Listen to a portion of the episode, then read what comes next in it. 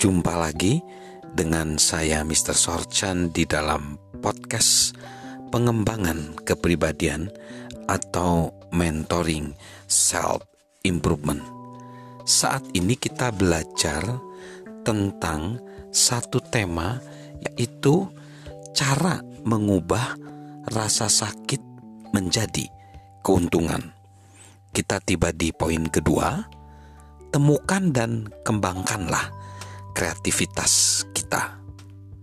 Sahabat Mr. Sorchan, ada sebuah kisah tentang seorang peternak ayam yang lahannya mengalami kebanjiran hampir setiap musim semi. Ia tidak mau meninggalkan peternakannya dan pindah. Namun, ketika air memenuhi lahannya dan membanjiri kandang ayamnya, ia harus selalu bersusah payah memindahkan ayam-ayamnya ke tempat yang lebih tinggi. Pernah, selama beberapa tahun ia tidak dapat bergerak cukup cepat, sehingga ratusan ayamnya tenggelam. Setelah musim semi paling buruk yang pernah dialaminya, dan ia kehilangan semua ternaknya, ia masuk ke dalam rumah peternakan tersebut dan berkata kepada istrinya, "Aku menyerah. Aku tidak punya uang untuk membeli tempat lain. Aku tidak dapat menjual tempat ini. Aku tidak tahu apa yang harus kulakukan."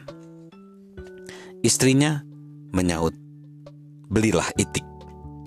Sahabat Mr. Sorchan, orang-orang yang memanfaatkan pengalaman buruk dengan baik adalah mereka yang menemukan cara-cara kreatif untuk mewujudkannya, seperti istri si peternak dalam kisah tadi.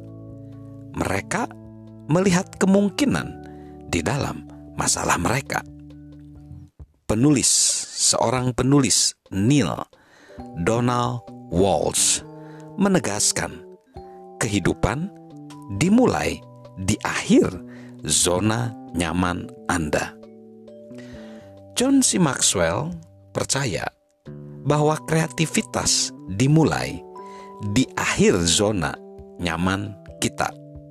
Saat kita, saat sahabat merasakan sakitnya pengalaman yang buruk, kreativitas memberikan kepada sahabat kesempatan untuk mengubah rasa sakit itu menjadi keuntungan.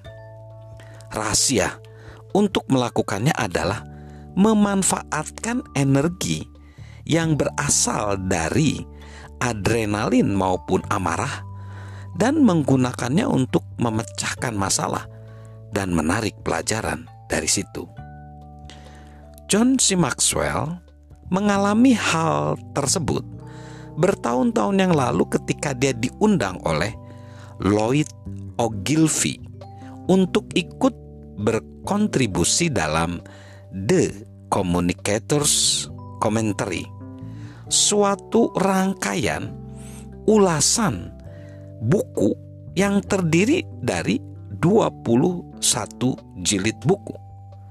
Lloyd meminta dia untuk menulis ulasan satu jilid yang dia setujui. Tetapi tidak lama kemudian, dia menyadari bahwa itu di luar kemampuan dia. Dia bukan seorang ahli. Mencoba menulis buku tersebut merupakan pengalaman yang mengerikan. Tiga kali, John mendatangi Lloyd untuk membatalkan perjanjian, dan tiga kali pula ia menolak kemudian mendorong John untuk tetap mengerjakannya. Kabar buruknya adalah John gagal mengerjakan tugas tersebut dan merasa sedih karenanya. Kabar baiknya adalah karena Lloyd tidak bersedia mendengarkan jawaban tidak, dia harus bersikap kreatif. Dia mulai mewawancarai sejumlah pakar untuk memperoleh wawasan dan karena dia tidak begitu bagus di dalam hal tersebut, dia berguru kepada seseorang profesor yaitu bernama Profesor William Yarchin. Tindakan-tindakan tersebut ditambah banyak kerja keras memampukan dia untuk menyelesaikan tugas tersebut.